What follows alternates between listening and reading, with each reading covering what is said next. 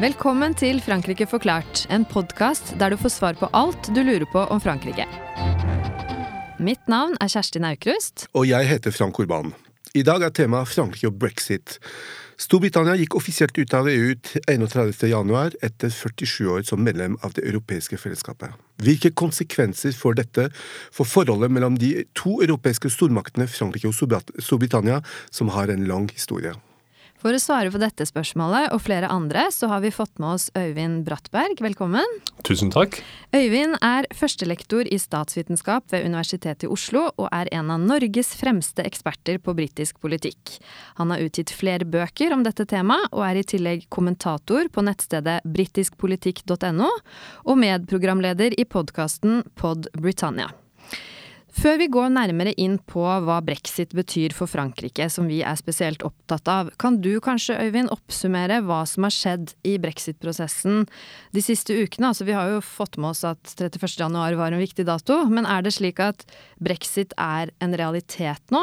Eller er den vanskeligste delen av forhandlingene fortsatt eh, Ligger den fortsatt fra, foran oss? Dette er et godt spørsmål vi kunne tilbringe 20 minutter på, på å besvare.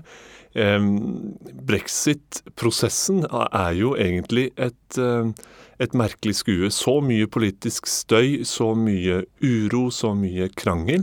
Og så, så var det mange i Storbritannia som da anså 31.1, den store symbolske datoen, som selve målsnøret. Eh, da har man liksom kommet, kommet, fram, og det har man jo ikke i, i det hele tatt. Snarere enn et, et, eh, målsnøre kunne man snakke om en milepæl, kanskje. Det er det naturligvis fordi beslutningen nå faktisk er tatt. Man, man, skal ut av EU, og det er nå et faktum. Men like fullt så ligger jo den faktiske overgangen foran oss. Eh, og hva slags konkret form den overgangen skal, skal ha, og mer spesifikt det framtidige forholdet til EU, der er det nå det skal forhandles. Slik at mange av de virkelig vanskelige avklaringene de kommer etter alt å dømme til å, å finne sted nå i løpet av, av 2020. Det, det må forhandles meget raskt og effektivt hvis man skal klare å komme i mål med en handelsavtale før årets slutt.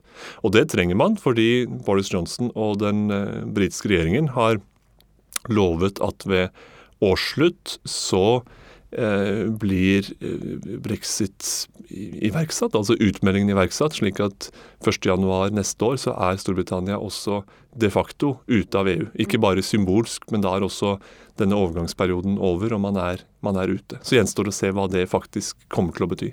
Så eh, 2020 for franskmenn, da, da, De kommer ikke til å merke så stor forskjell i 2020. Det er først i 2021 at man virkelig kjenner det på kroppen. Den eneste faktiske forskjellen, eller den eneste merkbare forskjellen i 2020 er at Storbritannia trekker seg ut av, av EUs institusjoner, og da ikke lenger er en del av beslutningsmaskineriet. Men for briter så vel som for andre europeere så er 2020 året på venterommet før endringene faktisk tar effekt. Vi skal gå tilbake til brexit-prosessen. Eh, de de siste, årene så har den vært eh, fremforhandlet av EU, eh, og nærmere sagt av EU-kommissæren Michel Barnier, som er fransk. Han vil også få ansvar for å føre prosessen videre når det gjelder det bilaterale forholdet mellom EU-landene og, og, og, Storbritannia. Og jeg tenker det, gir, det, det gir sikkert en litt spesiell ettersmak at det er en franskmann som leder forhandlingene med Storbritannia, gitt historien eh, bak de franske-britiske relasjoner. Eh, og, og kanskje, det er kanskje, kanskje, ikke mange som vet hva den historien er. Kan du si litt om, om, om, om den historien om, franske-britiske relasjoner? Hvilken rolle har Frankrike hatt i Storbritannias fiendebilde av EU hatt, og, og, omvendt? Det er, veldig, det er, en veldig viktig tråd å, å nøste i. Og jeg tror du kunne startet kanskje med et uh, bilde fra fra brexit-forhandlingene, eller fra tidlig i, tidlig i brexit-forhandlingene, i forsøkene på å starte opp en, en, fornuftig forhandlingsprosess mellom Storbritannia og EU, så var det et ganske slående bilde. Det var eh, britenes eh, brexit-minister David Davis med et, et par rådgivere på plass i Brussel i møte med Barnier og to andre, var det vel, fra, fra EU-kommisjonens side.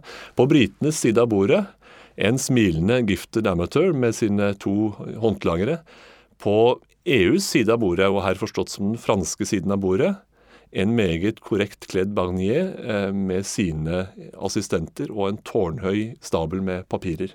Presis definerte, juridisk funderte papirer for hva man skulle oppnå.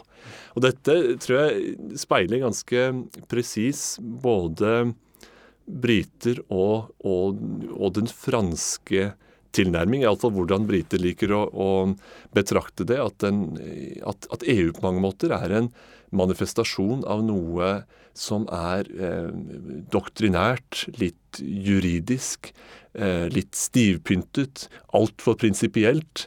Eh, mangler mye av den på en måte joviale eh, Vi finner ut av det med, vår, med våre evner til å snakke sammen, så løser vi alt. Som britisk diplomati, og, og, til en viss grad også britisk, den politiske eliten, er tuftet på. Disse som er public school-utdannet, og, og, som vet på en måte å, å snakke seg fram til hva det skulle være, og, og se, se, litt stort på det som måtte være av prinsipper og, og, handlingsregler, og ikke minst ideologi. Den, de britiske fordommene mot Frankrike handler ofte om at, at franskmenn er politisk dels er de altfor opptatt av å feste i grunnlovsdokumenter eller i skarpskodde ideologiske utsagn det som i bunn og grunn burde være pragmatisk anlagt politikk. Og Det samme gjelder også forhandlinger. at Man, man skal ikke eh, skrive opp sine prinsipper først. Man skal gå rolig inn og, og, og, og, så får man eh, på et vis kna seg fram til en, eh, til en, løsning. For mange briter så fremstår EU også som preget av denne type prinsipiell fransk tenkning, en, hvor man har en hang til både juss og ideologi som er fremmed for den eh, politiske kulturen i Storbritannia. Du nevnte jo at dette var eh, fordommer. Eh, og det er jo veldig mange fordommer som preger det fransk-britiske forholdet på begge sider, kan man kanskje si. Vi har jo disse kallenavnene som vi alle kjenner til, at britene kaller franskmenn for frogs fordi de spiser froskelår, mens, mens franskmenn, det kan jo du bekrefte, Frank, kaller britene for roast beef. Mm. Fordi ja. Kokekjøtt? De koker kjøtt, og det er mm. rimelig bulgært i franske øyne, rett og slett. Eh, men, men kan du si litt om hvordan, eh, hvordan, disse fordommene har preget eh, forholdet mellom franskmenn og briter opp gjennom tidene, og kanskje da spesielt i i EU-sammenheng, da? Er det ikke også en litt broket historie der? Det, det er det jo. fra Ikke minst i presten. For det, veldig ofte så finner du disse fordommene. de de, de, de kommer fram i, i den britiske presten, i uh, disse avisene som Mirror og andre titler som bruker og misbruker disse fordommene, ikke det? Mm, mm. Hvis man ser um, Storbritannias uh, relasjoner til Frankrike, både på folkelig og politisk nivå, så er det um, kolossalt forskjellig fra, fra synet på det tyske. Altså, i, I Tyskland så sitter Eh, sitter erfaringene fra det 20. århundre veldig sterkt i, og man også har en slags sånn folkelig forståelse av det tyske som, som noe eh, nokså primitivt, men veldig sterkt og mektig og som man bør passe seg for. Med Frankrike så er det veldig forskjellig. Overfor Frankrike så ligger det jo et kulturelt mindreverdighetskompleks som har røtter helt tilbake til normannerne, egentlig. Denne følelsen av at det franske er særdeles sofistikert, eh, intrikat og komplisert, enten det gjelder eh, matveien eller eh, biler eller avansert teknologi. Eh, det innfløkte og sofistikerte, litt vanskelig å, å, å tilegne seg. Eh, lett å frustreres over, men også noe som, som Storbritannia opp gjennom historien og til dags dato er dypt fascinert av og en kultur som man har veldig stor beundring for. Det, så det ligger et slags, eh, altså en, en, følelse av litt sånn kulturell mindreverdighet, og samtidig en frustrasjon over at i alle fall um, politisk og militært at man kanskje mener Frankrike ikke alltid har vært oppgaven voksen når det gjelder å ta å, ta det nødvendige ansvar osv. Og, så og at Storbritannia i alle fall må stille med en slags ryggdekning for at man sammen skal, skal uh, bære det nødvendige ansvaret i, i internasjonal politikk.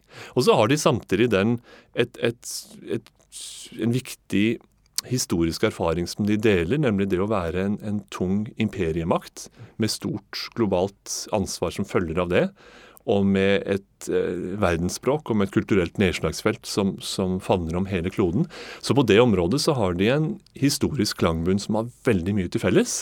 Og så har de brukt den på litt forskjellig måte, hvor Frankrike har umiddelbart etter, etter um, annen verdenskrig ble kastet inn i et europeisk samarbeid hvor det franske kunne på et vis tas inn i et felles europeisk prosjekt, mens Storbritannia tok avstand fra nettopp dette prosjektet og har forsøkt å på et vis eh, forene sin eh, fortsatt globale rolle med noen sånne europeiske sideblikk innimellom.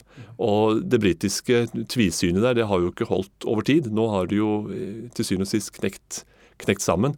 Mens Frankrike helt sikkert har hatt sine mm, skavanker. Men Frankrike har i alle fall vært konsistent i at fransk storhet kan projiseres gjennom Europa. Og det har britene aldri forstått seg på. Hvordan vil du beskrive forholdet mellom de to landene i dag? Eh, er det avhengig av hvem som, som er statsleder? på begge sider? Eller uh, vil du si at det forholdet mellom de to landene er mer strukturelt fordi at de er så like og egentlig trenger hverandre uh, til enhver tid? Hvordan er forholdet f.eks. For mellom Macron på den ene siden og Johnson på den andre? Ai, ai, ai. Jeg, jeg, jeg ville nok tatt utgangspunkt i det, i det, strukturelle. At disse to, disse to landene er så sammenvevet. Um, i, i, form av internasjonalt samarbeid, diplomati, forsvarssamarbeid, tilstedeværelsen i FNs sikkerhetsråd for den sakens skyld, og også en, en, et tett folkelig fellesskap gjennom stor eh, migrasjon mellom landene. At det ligger ganske faste strukturer der. Og egentlig er det jo påfallende hvor, hvor, hvor lite man har gjort ut av det, den personlige relasjonen mellom franske presidenter og britiske statsministre i, i, i, senere år.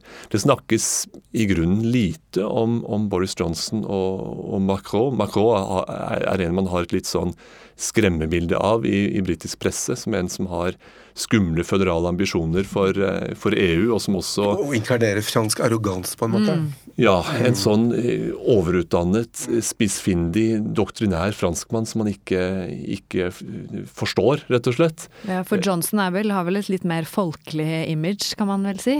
Han har jo denne merkelige britiske miksen av det å være, og selv være, ikke akkurat overutdannet, så har han iallfall en privilegert utdannelse, men samtidig har han, setter, han sin, eh, setter, han alt inn på å være bustete og folkelig, i en form som Macron aldri ville, ville ønske å være. Ja, Dette at man kommer liksom litt virrende inn, at det er en del av ens, ens eh, appell og en del av ens etos. At man er en, et, et, en, en surrekopp. Og det er ikke mulig for en fransk president. Har de undervurdert hverandre? Det er, eh, det er mulig. Jeg tror kanskje at de de forstår hverandre bedre på tomannshånd enn det man får inntrykk av i, i offentligheten, fordi de har hvert sitt image å, å, pleie, eh, vil jeg tenke.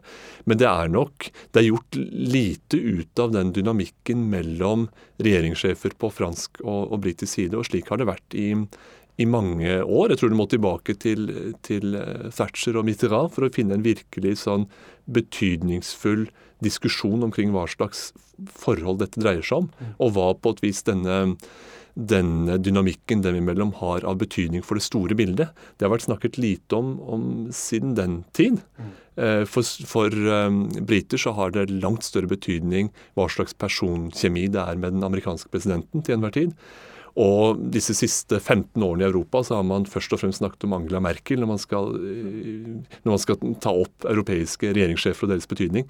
Så det fransk-britiske i hovedsak strukturelt, vil jeg si, er det viktigste. Eh, som et lite apropos til det folkelige imaget til eh, Johnson, så er det kanskje derfor han har eh, nedtonet det faktum at han faktisk snakker ekstremt godt fransk. Jeg har sett han på fransk fjernsyn snakke i en halvtime med en fransk journalist, og på nærmest plettfri fransk. Men det er ikke, man, det er ikke noe man hører så mye om. Og Macron snakket utmerket engelsk utenom Israel. ja, ikke sant. De, de, har begge sider med sin fortid som, ja. som det kan være formålstjenlig å skjule i I visse sammenhenger iallfall. Macron snakker i hvert fall godt fransk, nei, unnskyld, godt engelsk til, til franskmann å være. Ja, ja, Men eh, vi skal litt videre. Altså, det er klart at som naboland så vil jo Frankrike eh, lide spesielt eh, av brexit. Altså det vil få store konsekvenser. Um, for i 2018 så var Storbritannia Frankrikes syvende viktigste handelspartner, og Frankrike var Storbritannias sjette viktigste handelspartner. På hvilke konkrete områder uh, vil brexit påvirke fransk-britiske handelsrelasjoner på denne måten? Blant annet i Frankrike er det jo nå en stor debatt om at franske fiskere er redde for å ikke få tilgang til britiske fiskeområder lenger og sånn. Har de noe å frykte der? Er det, hva står på spill? Det er mye som står på spill, og mye som vil måtte falle på plass i løpet av dette nærmeste året. Og det favner så vidt, for uh, dette med, med, fiskeres adgang til britiske farvann, det er, en, det er, jo en, stor symbolsak. Og noen sier at dette er bare symbolikk og lite substans osv. Men for uh, franske kystbyer i, eh, i, i Normandie og i, i, nord, så er det jo av veldig stor betydning. For, for um, regionaløkonomiene der oppe så har det kjempestor betydning. Og det er bare ett av mange felt. Jeg mener I motsatt ende av, av blant sektorene holdt jeg på å si, så handler det jo om eh, britiske finanssektoren, altså City of London sin adgang til, eh, til EUs felles marked av finanstjenester osv. Det handler om eh, fransk matvareeksport, det handler om utveksling av avansert teknologi. Eh, biokjemi, maskinindustri. Enormt mange felt hvor det er så sårbart, fordi det enten, enten handler om um, gjensidig aksept for sertifikater, produktgodkjenninger, patenter osv., eller det handler om, om produksjon som krever en masse grensekryssinger. Altså enten delkomponenter eller, eller um, spisskompetanse eller andre elementer i produksjonen som må fram og tilbake over grenser. Det er noe av det mest sårbare ved brexit for Storbritannias del. Og det er gjensidig sårbarhet, fordi det er så mye samarbeid. Altså det er um, et, et, internasjonalt næringsliv med, med, produksjon som krever uh, flere lands deltakelse. Og der er det mye som står på spill. Og så handler det også naturligvis om, om uh, menneskene som beveger seg over grensen. Altså andelen franskmenn, ikke minst unge franskmenn i Storbritannia, kanskje framfor alt i, i, London. Og også om briter som har slått seg ned i, i Frankrike. Det forholdet er meget tett, og, og mye står på, på, spill også for dem. Du snakket om pragmatisme, men det, gjelder begge sider. fordi Det fokuseres veldig mye om på hvor, hvor, mye brexit vil koste Storbritannia. Men når det gjelder Frankrike, så er kostnaden ganske stor òg. Uh, man kan f.eks. Uh, nevne at, uh, at Frankrike alene vil måtte dekke 20 av tapene ved inntekter som går mellom Storbritannia og EU. Eh, og at, at brexit-prosessen i seg selv antas å koste mellom 4 og 8 milliarder euro per år for Frankrike. Så det å få en, en god avtale, en god brexit-avtale med Storbritannia, er også i fransk interesse. Det er ikke bare dogmatisme, det er også ren pragmatisme. Men jeg har sett også franske journalister som fokuserer på at eh, dette kan være en sjanse for Frankrike til å eh, ta en større plass eh, nå som i EU, da. Og, og, bli et mer attraktivt investeringsland. At man på en måte tar over den posisjonen som Storbritannia har hatt i, i flere sammenheng, da. Så det, det, er jo Altså, siden har to saker Nei, saken har to sider. det, det er jo også noe av det ironiske med med, med britenes EU-skepsis at de fra sin plass på sidelinjen, eller med sitt ønske om å tre ut på sidelinjen, også ser for seg at, at de som blir igjen i EU, kan da saktens eh, gå mer ambisiøst til verks med sin integrasjon. Ja, kanskje burde de gjøre det. Dette er jo, er jo en, eh, en, tanke som har lang fartstid i, i, Storbritannia. Churchill kort tid etter krigen var jo nettopp en talsmann for, for dette, hvor han snakket om et, et um, United States of Europe, or whichever form it may take. Og eh, anså da britene for å kunne bli the, the, the, friends and sponsors of this new Europe and allow it space to shine. Det var noe sånt av det? han sa i denne formuleringen. Men nettopp ved å tre til side kunne man åpne for at disse kontinentaleuropeerne kunne finne bedre ut av det med hverandre. En gang handlet det først og fremst om fredsbygging. I dag handler det for Storbritannias del vel så mye om at EU må få til et mer funksjonelt samarbeid, ikke minst i eurosonen. Så sørg for å sentralisere myndigheten der. Som Storbritannia aldri har vært en del av. Det er nettopp det. Og det, det, man kan jo behendig si at dere bør, bør slå pjaltene sammen ordentlig, ikke bare halvveis. Og det kan dere gjøre nå som vi er ute, for da slipper vi å, å skulle være en, en del av det. Eh, etter at, etter at, president Charles de Gaulle hadde lagt ned veto to ganger mot Storbritannias medlemskap i eh, det som da ble kalt EF, så var det hans etterfølger Georges Pompidou som godtok utvidelsen av EF eh, og, og, og britisk medlemskap. Og det gjorde han for, blant annet for å forhindre at EF kunne utvikle seg til en slags overnasjonal konstruksjon under press fra tyskerne. Nå mister franskmenn den forsikringen som de hadde med britene innafor nå at britene er utenfor EU.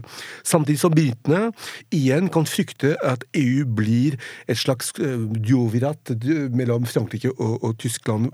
Hvordan kan britene leve med et EU som igjen kan bli et tysk-fransk dominert prosjekt, som de ikke kan påvirke, eller som, kan, som de ikke kan splitte og herske over? Det er, et, eh, det er et godt spørsmål. Jeg tror fra London så tenker man dels at det finnes, eh, det finnes naturligvis andre internasjonale fora hvor man vil dyrke sin egenart og sine relasjoner, kanskje spesielt med Frankrike, som best man kan. Eh, og det gjelder både i retning FN, FNs sikkerhetsråd, og også retning Nato og andre på et vis muligheter hvor man kan fremme sine interesser og sitt samarbeid. Og så får man samtidig slå seg til ro med at når det gjelder EUs indre liv, så er ikke lenger Storbritannia en del av det. Og samtidig, til forskjell fra der man var på 70- og 80-tallet, så er i dag EU en, en, langt større konstruksjon. Ikke minst henger jo hele eh, altså den sentrale østeuropeiske fløy også med her. Og jeg tror nok en del i Storbritannia legger til grunn at selv om britene selv har gått ut, så finnes det tross alt en del gjenværende medlemsland som deler en del av virkelighetsoppfatningen, knyttet f.eks. til, til en, en, åpen, liberal frihandelstilnærming. Eh, og, og en, en, slags noen mottaker mot de, de villeste initiativer fra Paris. Så jeg, jeg tror nok man, man, man stoler på, på at, at, EUs mangfold tross alt er, er, stort nok til at eh, det blir ikke en ren fransk-tysk øvelse. Til det er EU blitt for mangfoldig. Ja, på slutten av hver episode så ber vi vår gjest om å komme med en liten fransk anbefaling til våre lyttere. Hva er din anbefaling, Øyvind?